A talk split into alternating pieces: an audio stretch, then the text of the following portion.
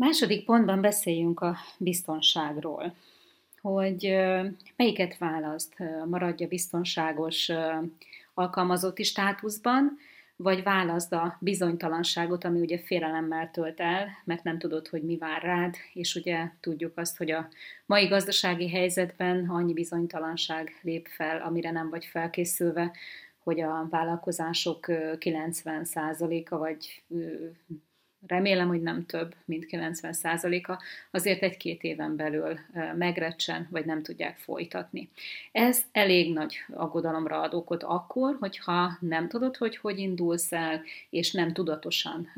építkezel, és nem tudatosan tervezel. De menjünk vissza a biztonsághoz, hogy manapság már mi a biztonság, és mi az, ami nem. Nézzünk vissza egy kicsit a szüleink életére. Ők elkezdtek dolgozni valahol a 20-as éveikben, és nem kevés olyan szülő van, akik a, a, ugyanarról a munkahelyről mentek nyugdíjba, mint ahonnan elindultak.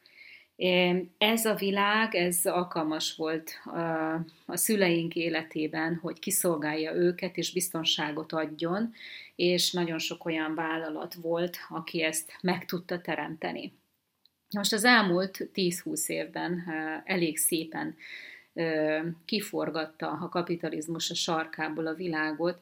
és azóta, amióta én felnőttként az eszemet tudom, azóta már olyan tempóban változik minden, és olyan más a szerkezete, a modellje az üzleti életnek, a gazdasági életnek, hogy a szüleink már nem is tudják követni, már, már le is álltak avval, hogy megpróbálják megérteni, hogy mi megy itt valójában. Ha most egy-két évre te kilépsz a forgalomból valami oknál fogva, akár szülés miatt is nem dolgozol, akkor két év múlva már olyan más világban találod magad, hogy alig bírod utolérni az információval magad, és alig bírod eladhatóvá tenni magad tulajdonképpen a szakmádban, mert minden annyit változik. És sajnos ezzel együtt cégek is szűnnek meg, a, a nagyon biztosnak mondott cégek ugye szétaprózódnak, vagy már nem profitábilisak, vagy már nem tudnak ilyen biztonságot adni, és munkahelyek ezrei, milliói szűnnek meg a nagy biztonsági keretek között. És a másik, ami még, még ugye látszat biztonságot ad, hogy, hogy van egy stabil fizetésed, amely minden hónapban megkapsz, és megérkezik a bankszámládra. Ez egy kényelmes dolog, viszont nem tudod azt, hogy ez meddig fog érkezni, és nem tudsz előre fölkészülni nagyon arra, hogy ha ez nem így lesz, akkor, akkor mi a következő terved. Na most én nem azért beszélek ebben a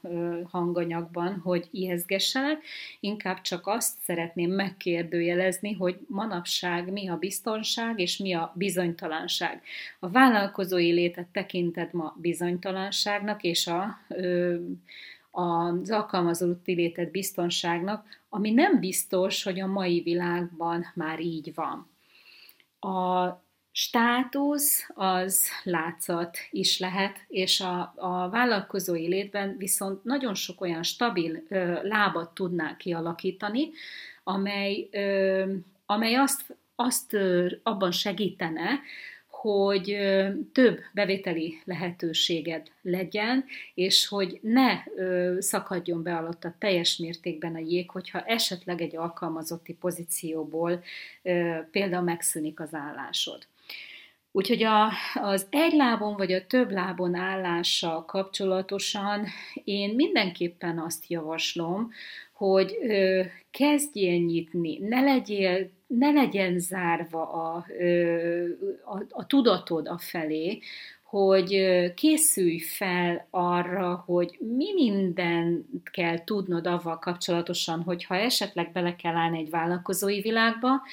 Kezdjél el érdeklődni, kezdjél el nyitni, kezdjél el beszélgetni tudatosan emberekről, és keresd a lehetőségeket, hogy, hogy mi lehetne az, ami neked könnyedén áramolhatna a jelenlegi